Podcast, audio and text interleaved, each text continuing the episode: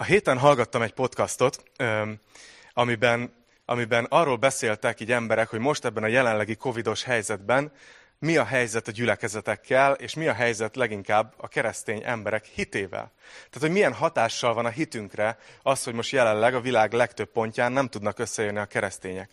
És az egyik trend, amit így, amit elemeztek ezek a amerikai szakértők, az az volt, hogy nagyon hangsúlyozták, hogy most egy olyan furcsa időszakban vagyunk, amikor, amikor az embereknek tényleg felelősséget kell vállalniuk a, a saját hitükért.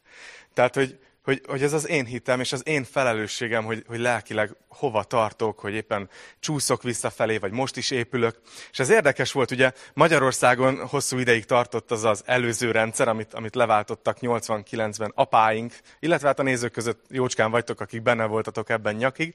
És tudjátok, akkoriban az volt a minden problémára az elvárás és az alapállás, hogy, hogy az állambácsi majd megoldja. És, és ez meg tud jelenni egyébként ma is a kereszténységen belül is, hogy, hogy majd a gyülekezet megoldja. Majd, ha a gyülekezetben jó a tanítás, akkor, akkor majd az én hitem is élő lesz. Hogyha jó a dicsi, akkor majd dicsőítem az Istent. És, és most tényleg egy ilyen furcsa időszak van, hogy, hogy, hogy mindannyian valamilyen szinten még inkább felelőssé válunk a saját hitünkért, hogy, hogy hova tartunk ebben.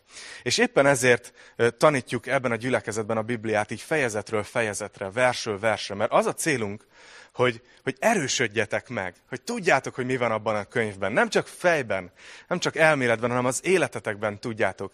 És ezért erősek legyetek, amikor jön egy-egy ilyen megpróbáltatás. Úgyhogy ezt csak azért mondom, mert, mert nagyon nagy megtiszteltetés ma reggel is így hirdetni nektek Isten igéjét, tanítani a Bibliát, és, és remélem, hogy, hogy áldás lesz nektek ez a mai rész, amit tanulmányozni fogunk. Úgyhogy ha van nálatok Biblia, akkor a János Evangélium a 5. fejezeténél nyissátok ki, vagy a mobil alkalmazást, és ezt fogjuk ma tanulmányozni. A legutóbb a 18. versig jutottunk, és gyakorlatilag azt láttuk eddig a János 5-ben, hogy Jézus meggyógyított egy 38 éve beteg embert ott a Betesda tavánál, vagy Betesda medencénél. És ugye múlt héten részletesen végigvettük ezt a történetet, de a végén ott már előre vetítette János, hogy mi fog következni, és föl is olvastam ezt a verset. Ugye láttuk, hogy a vallási vezetők rászálltak Jézusra emiatt. De nem igazán a, az a fura, hogy nem igazán a gyógyítás miatt. Az, az nem is nagyon érdekelte őket, hogy itt egy ember, aki 38 éve beteg volt, meggyógyult. Hanem leginkább az ö, bökte a csőrüket, hogy ezt mind szombaton tette. És ezzel nem csak, hogy megszegte a törvényt, hanem, hanem mást is a törvény megszegésére biztatott, mert azt mondta ennek az embernek, hogy vedd fel az ágyadat és járj.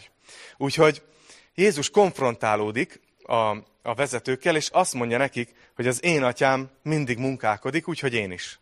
Ezzel a, ezzel a, ezzel a mondattal válaszol, és utána a 18. versben azt láttuk, hogy ezt, ezt írja, ezért azután a zsidók még inkább meg akarták ölni, mert nem csak megtörte a szombatot, hanem a saját atyának is nevezte Istent, és így egyenlővé tette magát az Istennel. Szóval itt van ez a konfliktus, ez a feszültség, és ez a mai történetünknek a kiinduló pontja. Ezt jegyezzétek meg, hogy itt állnak a vallási vezetők, itt áll Jézus, és, és a vallási vezetők azt mondják Jézusnak, hogy, hogy nagy gondunk van veled, mert egyenlővé tetted magad Istennel. Ez, ez a mai kiinduló pontunk. És egy kicsit szeretnék is itt megállni, még mielőtt elkezdjük tovább olvasni a János evangéliumát, és így rázúmolni, hogy ez, hogy ez miért volt probléma nekik. Ugye egyrészt Probléma volt az, hogy Jézus atyának nevezte Istent, mert akkoriban nem nevezték így Istent. Nagyon tisztelettel, nagyon távolságtartóan beszéltek Istenről, és Jézus ebben újat hozott, hogy ő úgy beszélt Istenről, hogy, hogy abba, ami igazából, ha magyarra lefordítjuk, azt jelenti, hogy apuci. Ő, ő atyaként beszélt Istenről, nagyon közvetlen kapcsolatként.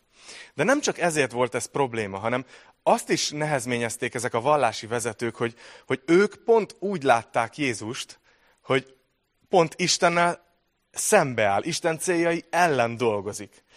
Úgy látták őt, mint egy önfejű, önjelölt messiást, aki, aki éppen Isten ellen dolgozik, és mi sem jobb bizonyíték erre, mint hogy hát, ha Istentől lenne, akkor nem bátorítaná az embereket, hogy szegjék meg a törvényt. Ő pedig nyilvánvalóan ezt tette. Úgyhogy most itt van ez a helyzet, és és ugye nem így kezdődött. Egy pár fejezettel ezelőtt láttuk, hogy az egyik vezető Nikodémus eljött Jézushoz. Akkor még kíváncsiak voltak, hogy ő kicsoda és micsoda, és miben, miben dolgozik. Utána később láttuk, hogy már felfigyelnek a népszerűségére, és Jézus inkább visszahúzódott. És ezen a ponton pedig látunk egy fordulópontot. és innentől kezdve egy 18 hónapos időszak indul el Jézus életében, amikor a vallási vezetők tudatosan szembefordultak vele, tudatosan azt mondják, hogy nem, most már megvan rólad a véleményünk, az állásfoglalásunk, nem az vagy, akinek mondod magad, nem te vagy a messiás. Elutasították igazából Jézust ezen a ponton, ami majd végül a keresztben csúcsosodik ki. De mondhatjátok azt, hogy hogy, hogy jön ez most ide. Mit kezdjünk ezzel a, ezzel a konfliktussal itt 2020-ban? Azt gondolom, hogy mi talán emiatt nem akarnánk megölni Jézust, hogy, hogy azt mondja, hogy, hogy, hogy én vagyok az Isten. De azt látom, hogy ma is ez egy problémát jelent az embereknek. Amikor, amikor beszélgettek a hitről, Istenről emberekkel, akkor lehet beszélni Istenről. Lehet beszélni hitről, lehet beszélni természet felettiről, és mindenki rendben van ezzel.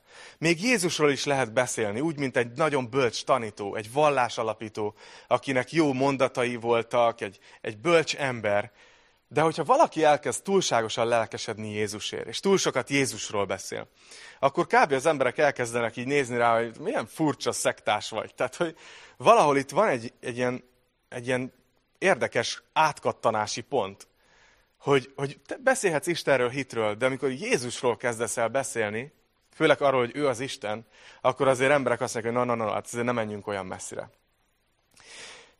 Az az érdekes ebben a konfliktusban, hogy Jézus nagyon könnyen lezárhatta volna ezt az egész témát. Mondhatta volna, hogy nem, félreértitek, nem úgy értettem, én nem vagyok egyelő az Nem Mondhatta volna ezt. És ehelyett teljesen más történik. Jézus ehelyett mond egy hosszú beszédet, és ezt fogjuk ma áttanulmányozni, és fogom egyszerűsíteni majd. De a lényege ennek a hosszú beszédnek, hogy kifejti, hogy igen, pontosan ezt akartam mondani. Hogy én egy vagyok az atyával. Én Isten vagyok. És majd látni fogjuk, hogy mi lesz ennek a következmény. Úgyhogy ezt a beszédet fogjuk tanulmányozni ma. Most először az első részét ennek fel fogom olvasni, öt verset, és a 19. verstől kezdjük. Itt el fogja Jézus mondani, hogy mire alapozza azt, hogy ő egyenlő Istennel. Tehát János 5.19. Megszólalt tehát Jézus, és ezeket mondta nekik. Bizony, bizony, mondom nektek, a fiú önmagától semmit sem tehet, csak ha látja, hogy mit tesz az atya, mert amit ő tesz, azt teszi a fiú is, hozzá hasonló módon. Mert az atya szereti a fiút, és mindent megmutat neki, amit ő tesz. És ezeknél nagyobb tetteket is mutat majd neki, hogy ti csodálkozzatok. Mert ahogy az atya feltámasztja a halottakat, életre kelti őket, úgy a fiú is életre kelti azokat, akiket akar. Az atya nem is ítél meg senkit, hanem az ítéletet egészen a fiúnak adta át. Hogy mindenki úgy tisztelje a fiút, ahogyan az atyát tisztelik. Aki nem tiszteli a fiút, az nem tiszteli az atyát sem, aki őt elküldte. Szóval Jézus ebben a részben folyamatosan erről a két személyről beszél. Az atya és a fiú. Nem tudom, nem számoltam meg, de rengetegszer mondja azt, hogy ahogy az atya, úgy a fiú is. És a fiú az ő, ő a fiú Isten, és az atya Istenről beszél, amikor erről, erről, erről az összehasonlításról beszél, és öt dolgot mond, hogy mire alapozza azt, hogy a fiú az egyenlő az atyával. Az első dolog, amit mond, az, hogy a fiú ugyanazt teszi, amit az atya tesz. És ugye ez van a 19. versben, és nem tudom, hogy ti hogy vagytok ezzel, most pont ahogy készültem erre a tanításra, tegnap nagyon jó idő volt, kint voltunk a kertbe, és dolgoztunk így földmunkát, így fejeztünk be egy pár helyen, mert most volt egy kis átalakítás nálunk a kertben, és Albert, a fiam, így jött, és így, és így direkt, direkt akart segíteni nekem, és hozta a kis ásóját, hogy akkor, ahogy én lapátolok, ő is lapátol. Tehát nem csak azért ülök, mert, mert most ilyen, ez ilyen otthonosabb, hanem igazából nem is nagyon tudok állni, tudjátok, tehát nem szoktam én ezt a fajta munkát, sokat lapátoltam tegnap. De Albert is hozta a kis lapátját, és, és aztán egyszer csak átváltott, és azt mondta, hogy nem, ő is hozott egy ilyen, egy ilyen nagy ásót, mert ő ugyanolyan akar, mint apu. És így tudod, tudod így, így nagyon, nagyon, nagyon, és hogyha fiam, ha nézed, iszonyatosan büszke vagyok rád, mert egész nap kitartóan segített, és lapátolt azzal a nagy ásóval, mert úgy érezte, hogy, hogy ő akkor igazán a fiam, ha ugyanazt teszi, amit én. És nagyon érdekes, hogy Jézus ugyanezt a képet használja, hogy azt mondja, hogy, hogy a fiú ugyanazt teszi, mint az atya. És ugye Jézus ezt tényleg megmutatta. Izrael úgy tekintett Istenre, a teremtő Istenre, az atyára, mint egy csodatevő Istenre, aki már annyiszor a történelemben tett csodákat. Szabadulás Egyiptomból, vörös tenger kettényél, rengetegféle dolgot tett Isten az Ószövetségben. És amikor Jézus megjelent, akkor ő is elkezdett csodákat tenni. És valószínűleg ez volt az egyik oka, hogy miért, mert ezek a cselekedetek bizonyították, hogy amit az atya tesz, azt a fiú is megteszi. És ezért ők egyek. Aztán a második dolog, amit mond, az az, hogy a fiú ugyanazt tudja, amit az atya. Na most azért ez egy elég kemény kijelentés, mert Isten az minden tudó, igaz? És Jézus azt mondja, hogy én is ugyanazt tudom, az atya mindent megmutat nekem. És, és ez be is bizonyította, hogy olyan sokszor reagált úgy helyzetekre, hogy nem tudhatta emberileg. És utána mégis, mégis uh, tudta, valami természetfeletti módon. A harmadik dolog, amit mond, hogy a fiú ugyanúgy tud életet adni, mint az atya. Ugye ez egy érdekes dolog, hogy a mai napig tudjuk, hogy kísérleteznek a tudósok klónozással, meg egy csomó módszerrel, de igazán életet nem tudnak létrehozni, és nem tudnak visszaadni. Ha valaki meghal, és már tényleg abba a stádiumba jut, akkor az orvosok már nem tudnak mit tenni. De Jézus többször feltámasztott halottakat. Éppen ezért, hogy bizonyítsa, hogy ő ugyanazt megteszi, mint Isten, ugyanúgy életet tud adni, mint az Atya.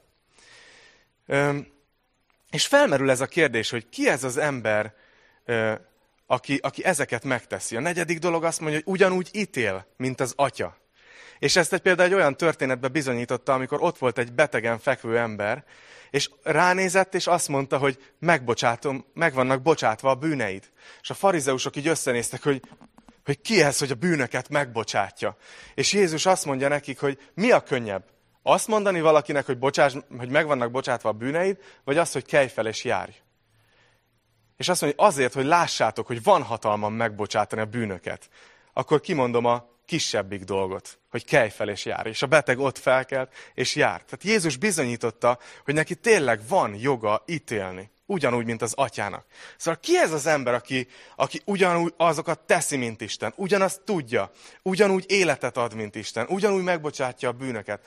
Nem lehet más következtetés, mint az, hogy egyenlő Istennel. És Jézus rátesz még egy lapáttal, és az ötödik dolog, amit mond, hogy a fiúnak ugyanaz a tisztelet jár, mint az atyának.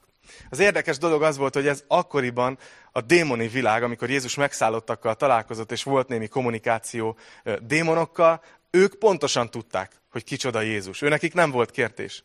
De Izrael lelki vezetői, a vallási vezetők nem tudták ezt. És Jézus itt, itt, itt látja, hogy ebben elakadtak, és ezért beszél erről. Szeretnék egy kicsit beszélni arról, hogy hogy miért fontos ez, hogy, hogy az atya és a fiú egyek. Hogy miért fontos a, a kereszténységen belül ez a tanítás, amit igazából úgy nevezünk, hogy a Szent Háromság tanítása. És lehet, hogy ez egy ilyen száraz teológiai dolognak tűnik, vagy egy összezavaró dolognak. De a lényeg az, hogy a kereszténység azt tanítja, hogy, hogy egy Isten van. De mégis három személy van, aki ugyanaz az Isten. Van az Atya, Isten, a Fiú, Isten, és a Szentlélek Isten.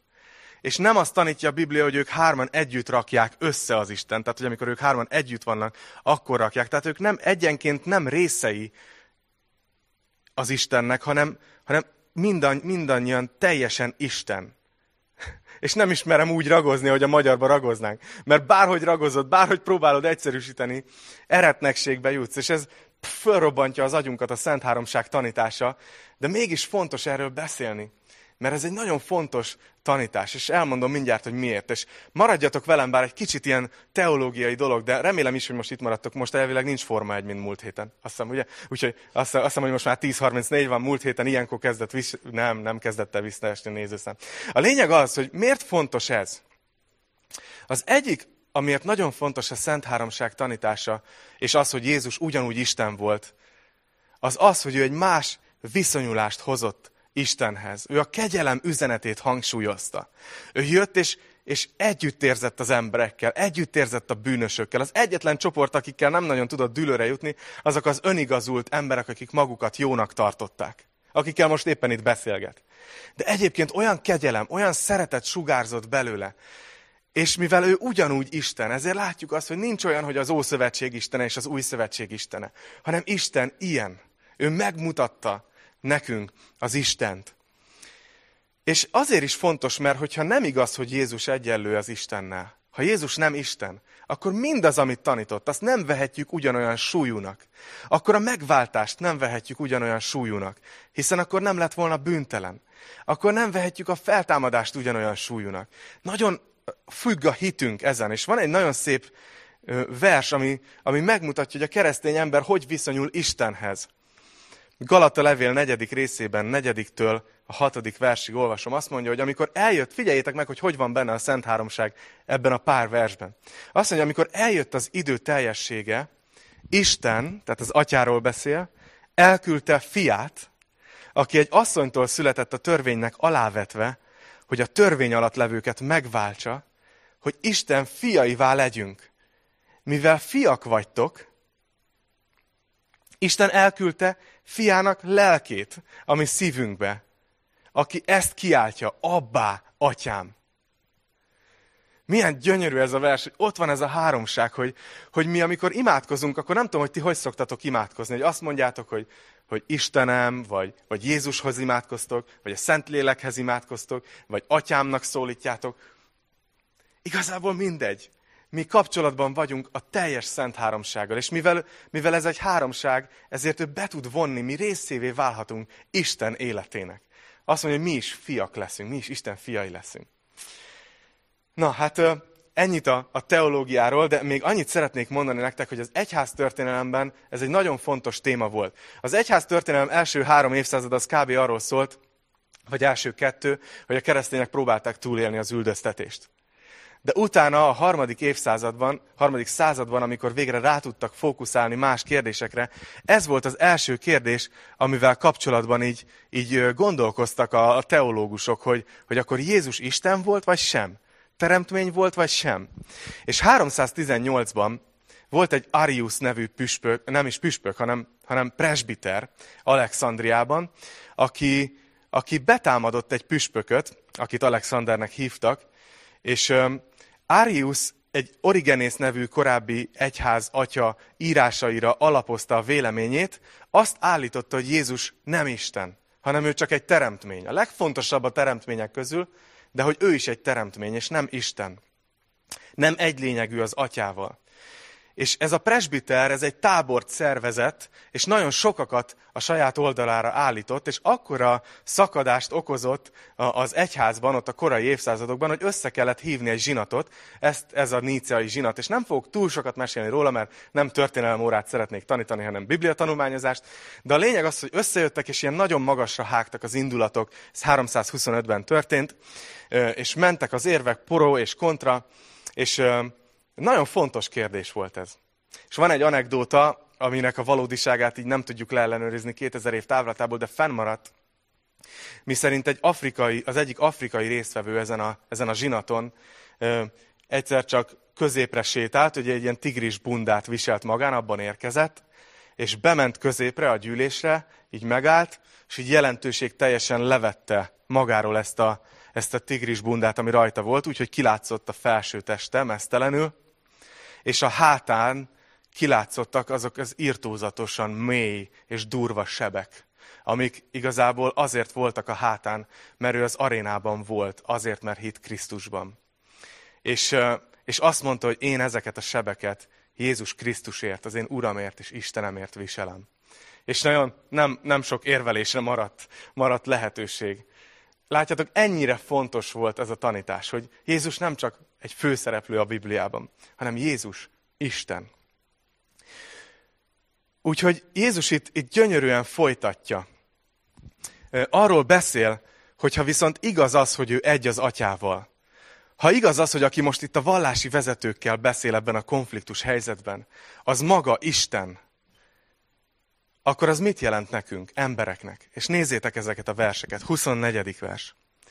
Bizony, bizony, mondom nektek, aki hallja az én igémet, és hisz abban, aki elküldött engem, annak örök élete van. Sőt, ítéletre sem megy, hanem átment a halálból az életbe. Bizony, bizony mondom nektek, hogy eljön az óra, és az most van, amikor a halottak hallják az Isten fiának a hangját, és akik meghallották, élni fognak. Mert ahogyan az atyának van önmagában élete, úgy a fiúnak is megadta, hogy élete legyen önmagában. Sőt, arra is adott neki hatalmat, hogy ítéletet tartson, mert ő az ember fia. Ne csodálkozzatok ezen, mert eljön az óra, amelyben azok, akik a sírban vannak, meghallják az ő hangját, és kijönnek, akik a jót tették, az életre támadnak fel, akik pedig a rosszat cselekedték, az ítéletre támadnak fel. Én önmagamtól semmit sem tehetek. Ahogyan tőle hallom, úgy ítélek. És az én ítéletem igazságos, mert nem a magam akaratát keresem, hanem annak akaratát, aki elküldött engem. Micsoda óriási üzenet az, amit Jézus mond. Azt mondja, eddig arról érvelt, hogy ő valóban Isten. És most pedig azt mondja, hogy aki hallja az én igémet, az én üzenetemet, az evangéliumot, és hisz annak, aki elküldött engem. Hisz annak, aki megpecsételi ezt az egészet. Hisz az atyának. Hisz Jézus Krisztusban. Azt mondja, annak örök élete van. És ítéletre sem megy, hanem átment a halálból az életre és múlt időt használ. Hihetetlen erős dolog, és látjátok, ezért nem mindegy, hogy Jézus Istene, vagy csak egy bölcs tanító. Mert ilyet egy bölcs tanító nem tud mondani. Ilyet egy, egy jó előadó, egy jó szónok nem mondhat, nincs hozzá joga. De ha Jézus Isten, akkor ezeknek a szavaknak óriási tekintélye van. És konkrétan azt mondja, hogy aki hallja az igémet, és hisz abban, aki elküldött engem, annak örök élete van és jelen időről beszél, nem arról, hogy majd egyszer. És hagyj beszéljek erről egy kicsit, mert olyan sok keresztényről tudok, akik el vannak bizonytalanodva, hogy, hogy mi lesz. Hallok keresztényeket arról beszélni, hogy félnek az ítélet napjától. És, és, me, és összeszorul a szívem, mert itt van, Jézus maga mondja azt, hogy, hogy ha te hiszel Jézus Krisztusban, ha tudod magadról, hogy egy bűnös ember vagy, és hiszel benne, hogy, hogy ő érted halt meg a kereszten, és eldöntötted, hogy ő az urad, ő a megváltód, ő az Istened, megszületett a szívedben ez a döntés, vagy magyarul megtértél, akkor örök életed van. Ez nem kérdőjel. Nem kell morfondírozni, hogy vajon hogy lesz. És azt mondja Jézus, hogy és, és ítéletre sem megy. Nem tudom, hogy tudjátok-e, drága testvéreim, hogy mi nem megyünk ítéletre. A Krisztus ítélőszék elé oda fogunk állni, ahol majd el fogja mondani a véleményét a szolgálatunkról, és kapunk jutalmakat. De a nagy fehér trón ítéletére, ahol arról szól a történet, hogy ki megy az életre, és ki a halára, amit itt Jézus említ később, ott mi nem leszünk ott. Mert mi ezt az ítéletet átugrottuk akkor, amikor magunk, magunkat megaláztuk, magunkat megítéltük és megtértünk. És most már csak Jézus munkájában bízhatunk, hogy üdvözülünk. Az viszont annyira tökéletes, hogy esély nincs rá, hogy ez valahogy ne legyen ránk érvényes. Úgyhogy remélem, hogy bátorít titeket ez.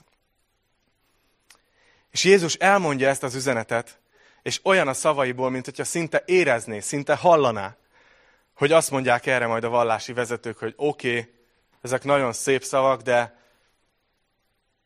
miért hinnénk neked?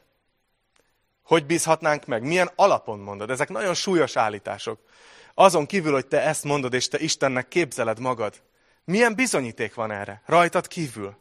És erről kezd el beszélni Jézus. Azt mondja, hogy ha én magamról tennék bizonyságot, 31. vers, az én bizonyságtételem nem volna igaz. Más az, aki bizonyságot tesz én rólam, és tudom, hogy az a bizonyságtétel, amely rólam tanúskodik. Segítenél Balázs? Kicsit a... Bocsánat, csak közben a, a gépem 3%-ra csökkent, és azért, azért szükségem van a, a jegyzetemre, hogy ne, hogy félre. Nagyon szépen köszönöm. Szuper. Szóval Jézus elkezd arról beszélni, hogy mi alapján hihetünk annak, hogy ez igaz, amit mond. És belemegy Előbb ugye öt pontot mondtunk arról, hogy miért egyenlő az atyával, most pedig öt olyan dolgot fog felsorolni, hogy mi bizonyítja. Mik ezek a külső bizonyítékok, amik bizonyítják. És a mi modern fülünknek furcsa lesz, de hallgassátok úgy, hogy akkor azok a vallási vezetők, akik ott álltak, nekik mit jelentettek ezek a mondatok, milyen tekintélyt képviseltek az ő fejükben. Úgy, és nagyon, Jézus itt elmondja ezeket a bizonyítékokat, de nagyon személyes is lesz vissza fog térni a vezetők hozzáállására is. Nekik olyan, mint hogyha Jézus itt elkezdene teológiáról beszélni, de utána folyamatosan nekik is mondja, és a szemükbe néz, és nem tudom, hogy hívták ezeket a farizeusokat, de így, mintha így mondaná neki, hogy József, és, és nem tudom, mondjatok még, még zsidó neveket, Ábrahám, és, és Mózes, és nem tudom, milyen neveik voltak ezeknek a farizeusoknak, de, de ő személyesen is meg akarja őket szólítani, és ugyanúgy minket is ma reggel. Nézzétek, elmondja az elsőt. Azt mondja, hogy ti elküldtetek Jánoshoz. És ő bizonyságot tett az igazságról. Nekem azonban nincs szükségem embertől való bizonyságtételre, hanem azért mondom ezeket, hogy ti üdvözüljetek. Ő volt az égő és világító fákja, de ti csak egy ideig akartatok az ő világosságában örvendezni. Jézus azt mondja, hogy ez az első külső bizonyíték, amire neki ugyan nincs szüksége, de a farizeusoknak van. Az János volt, keresztelő János, aki képviseli az, az összes profétát is egyébként, mert ő volt az utolsó ószövetségi proféta. És azt mondja Jézus, hogy ő rám mutatott, és azt mondta, hogy én vagyok az Isten báránya. Ő egy külső bizonyíték, csak ti nem nagyon akartátok elfogadni. Aztán folytatja a 36. vers. Szóval nekem azonban Jánosénál nagyobb bizonyságtételem van, mert a tettek, amelyeket átadott nekem az atya, hogy teljesítsem azokat, ezek a tetteim maguk tanúskodnak arról, hogy engem az atya küldött el. Tehát azt mondja Jézus másodikként, hogy azok a csodák, azok a jelek, amiket tettem, a tetteim, azok önmagában bizonyító erejűek azok rajtam kívül, hogyha bárki más ezeket tenné, akkor bizonyítani, bizonyító erejük kellene, hogy legyen. És ezek a tettek rólam tanúskodnak. És akkor így elképzelem a farizeusokat, ahogy így hallgatják, hogy hát igen, János, ú, hát tényleg neki nem, nem, nem nagyon hittünk. És akkor mondja Jézus, hogy de hát a tettek, a csodák, és akkor gondol, igen, de, de, és akkor elkezdik kimagyarázni, hogy azok miért nem voltak valódiak. És Jézus tovább megy, azt mondja, hogy, hogy az atya, aki elküldött engem, ő is ő tett bizonyságot rólam. Az ő hangját nem hallottátok soha, arcát sem láttátok, és az igéje sem marad meg bennetek. Mert annak, akit ő elküldött, nem hisztek. Jézus azt mondja, hogy van egy harmadik külső bizonyítékom, maga a teremtő atya, Isten. De utána rögtön hozzáteszi, nézzétek, visszatér az ő fel, az eredeti felvetésükre. Ugye ők úgy látják Jézust, mint aki Isten ellen dolgozik, mint egy önjelölt messiás. És ők azok, akik képviselik Istent. És Jézus azt mondja, hogy, hogy az ő hangját nem hallottátok soha. Az arcát sem láttátok. És az ő igéje sem marad meg bennetek. Jézus nagyon kemény. Azt mondja itt a vallási vezetőknek, hogy nem is ismeritek Istent. Ti itt fölöttem ítélkeztek, de igazából ti vagytok Isten ellen. És az atya mellettem áll. Na, nézzük a negyediket. És ez, itt Jézus elkezd olyan dolgokat mondani, ami azt mondja, hogy igazán övön aluli volt az akkori vallási vezetőknek. Azt mondja a 39. versben, hogy ti azért kutatjátok az írásokat, mert azt gondoljátok, hogy azokban van az örök életetek. Pedig azok rólam tesznek bizonyságot. És mégsem akartok hozzám jönni, hogy életetek legyen. Nem tudom, hogy érzitek-e, hogy itt, itt tényleg Isten szava szól Jézuson keresztül. És egy nagyon kemény dolgot mond, mert, mert ott vannak ezek a farizeusok, akiknek az egész életét azt tettek, hogy tanulmányozták a törvényt, hogy pontosan értsék. Úgy érezték, hogy ők azok, akik legtöbbet foglalkoznak a Bibliával, a legjobban értik a Bibliát, a leginkább elkötelezettek a Biblia betartása mellett. És Jézus azt mondja nekik, hogy ti kutatjátok az írásokat, de kb. nem ér az egész semmit, mert nem veszitek észre a lényeget, hogy az egész Biblia, az egész Ószövetség rám mutat, rólam tesz bizonyságot. Hogy tanulmányozzátok a Bibliát, csak éppen a lényegről maradtok le. És ez nagyon fájhatott, nagyon fájhatott nekik. És elkezdtem ezen gondolkozni, hogy, hogy hogyan juthat el valaki oda, például egy vallási vezetőség itt, hogy tanulmányozzák az írásokat éjjel és nappal, és lemaradnak a lényegről, hogy ez hogy történhetett meg. És Jézus erről kezd el beszélni. Nézzétek, azt mondja, hogy, hogy nem akartok hozzám jönni. Itt rámutat Jézus nekik, hogy igazából ami megakadályozza őket, hogy Jézus elfogadják, az az, hogy ők nem akarják elfogadni, hogy ők eldöntötték, hogy ők nem akarják. És itt látszik a szabad akaratnak az erős jelentése. És nekünk is ma el kell döntenünk, hogy mit kezdünk. Jézussal, és ők is eldönthették. De Jézus figyelmezteti őket, mert egy olyan ponton vannak, ahol éppen nagyon erősen kezdik elutasítani. De mi volt ennek a gyökerében? Miért utasították el? És itt Jézus erről kezd beszélni. Azt mondja a 41. versben, én nem fogadok el dicsőséget emberektől. Rólatok viszont tudom, hogy nincs meg bennetek az Isten szeretete. Én az atyám nevében jöttem, mégsem fogadtatok be. Ha más a maga nevében jön, azt befogadjátok. És nézzétek, hogyan tudnátok hinni ti, akik egymástól fogadtok el dicsőséget, de azt a dicsőséget, amely az egy Istentől van, nem keresitek. Látjátok, egy nagyon érdekes dologot látunk arról, hogy hogy jutottak el odáig, hogy elutasították Jézust. Azt mondja Jézus, hogy ti nem keresitek már azt a dicsőséget, ami Istentől jön, hanem ti megelégedtek azzal, hogy egymástól fogadtok el dicsőséget. Hogy eljutottak oda, hogy számukra a vallás az már nem az Isten szeretetéről szól, hanem ezt behelyettesítette a büszkeség. Elkezdett a pozíciókról szólni számukra a vallás. Valahogy úgy álltak hozzá, hogy mi vagyunk az Isten népe ugye a büszkeség, és egymást erősítették, hogy igen, mi vagyunk, mi vagyunk, és azt mondja Jézus, hogy ti egymástól fogadtok el dicsőséget. Mi vagyunk a vezetői az Isten népének. És ebben erősítették, és már elkezdett nem is fontos lenni, hogy Isten mit gondol erről az egészről, annyira büszkék lettek. És a büszkeség az, ami, ami a legnagyobb akadály az ellen, hogy valaki Istenhez jöjjön. Egyébként ma is. Ugyanazt látom, hogy Istent nem lehet megtalálni csak alázattal. Azt mondja a Máté 5, 10, bocsánat, Máté 5, 3, az egyszerű fordításban, annyira szeretem. Azt mondja, hogy boldogok, akik felismerik, hogy szükségük van Istenre.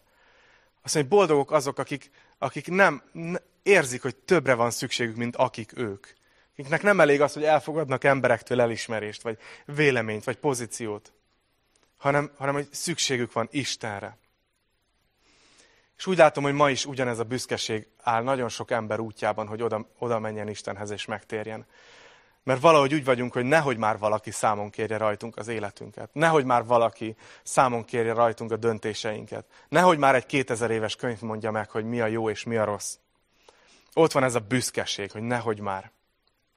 Mint ahogy ott volt a farizeusokban, hogy nehogy már ez a názáretből jött ács, akinek azt se tudjuk ki az apja. Ő mondja meg, hogy ő az Isten. Tehát Jézus itt felsorakoztatott négy bizonyítékot. János, a cselekedeteit, az atyát, az írásokat, és van még egy utolsó pontja. És hogyha ez egy boxmérkőzés lenne, az olyan, mint hogyha most vinné be a káót.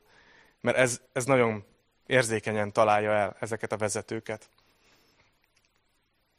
Mert ha az eddigieket könnyen hallgatták, az Jézusnak az eddigi szavait, akkor nagyon könnyen úgy hallhatták, hogy Jézus vádolja őket mint hogyha ő, ő vádolná őket.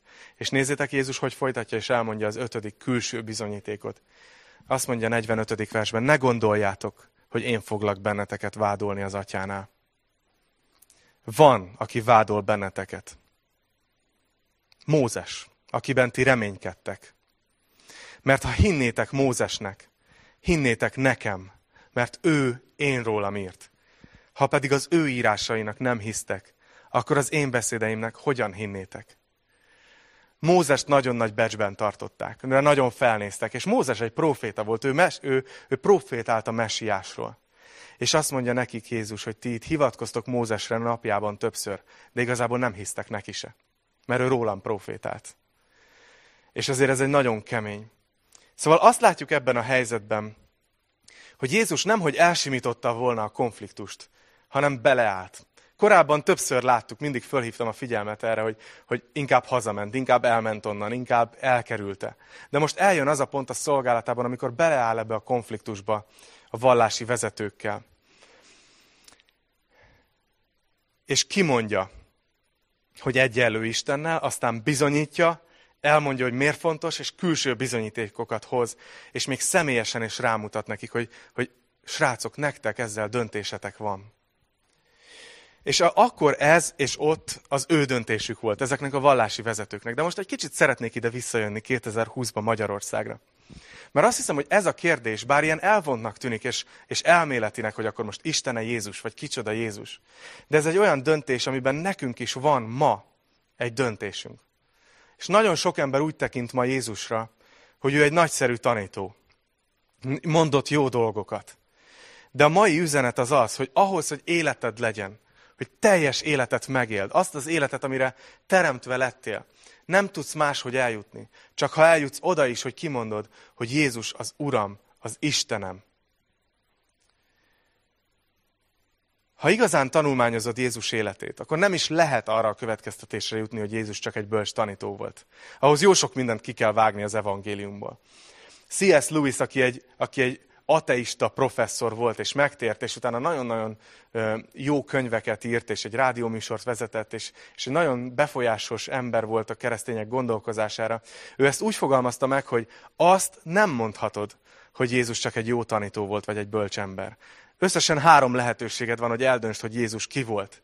Vagy azt mondod róla, hogy egy, egy őrült volt, aki tényleg Istennek képzelte magát. Hát ilyenből azért van pár a világban hogy ő itt járkált körbe mondott dolgokat, mert ő tényleg azt hitte magáról, de őrült volt, nem volt teljesen ö, ö, józan. Vagy azt gondolhatod róla, hogy egy szélhámos volt, aki mindezt tudatosan csinálta.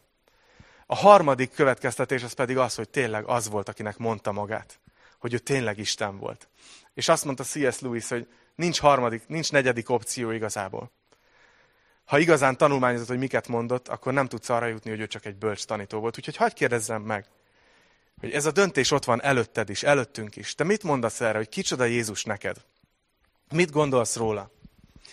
És hagyd mondjak csak még egy történetet. És a dicsőítők, gyertek nyugodtan vissza. De a feltámadása után Jézus találkozott a tanítványokkal megjelent nekik, és, és, és amikor először megjelent, akkor Tamás, az egyik tanítvány nem volt ott. De utána, amikor újra ott volt Tamás, Jézus megint megjelent. És Tamás azt mondta add, egészen addig, hogy én nem hiszem el, hogy Jézus feltámadt, egészen addig, amíg nem látom. És utána is azt mondta, hogy nem hiszem el, amíg a kezemet nem teszem az oldalára, és nem érintem meg a saját kezemmel a sebeit. Mert nem tudott mit kezdeni ezzel, pedig három évet Jézussal járt. Hogy ő tényleg feltámadt. Mert ha feltámadt, akkor ő tényleg Isten. Akkor minden, amit tanított, az igaz. És ott van, és nem hiszi el, és Jézus megjelen nekik, és azt, azt mondja, hogy gyere Tamás, tedd ide a kezed. És Tamás oda megy, megérinti a sebet Jézus oldalán, és kimondja ezt a mondatot. Azt mondja, hogy én Uram, és én Istenem. És így elképzelem ezt a jelenetet, hogy, hogy mennyit várhatott a két szó között. Mert hogy eddig is mesternek szólította Jézust. De hogy lehet, hogy ez így hangzott el, hogy így, így elképzelem, hogy ott áll Jézus, ott van előtte Tamás, és így hozzáér a sebéhez, és azt mondja, hogy én Uram. És lehet, hogy volt egy pár másodperc szünet, amíg kimondta azt is, hogy én Istenem és annyira megfogja ezt a, ezt a, amit szeretnék ma nektek így adni, eh, Isten igéjéből üzenetként. Úgy éreztem, hogy, hogy ezzel kell befejeznem. Hogy nem tudom, hogy hogy álltok ezzel a döntéssel. Nem tudom, hogy, hogy aki akár először nézed, vagy többetszer, hogy hogy állsz ezzel.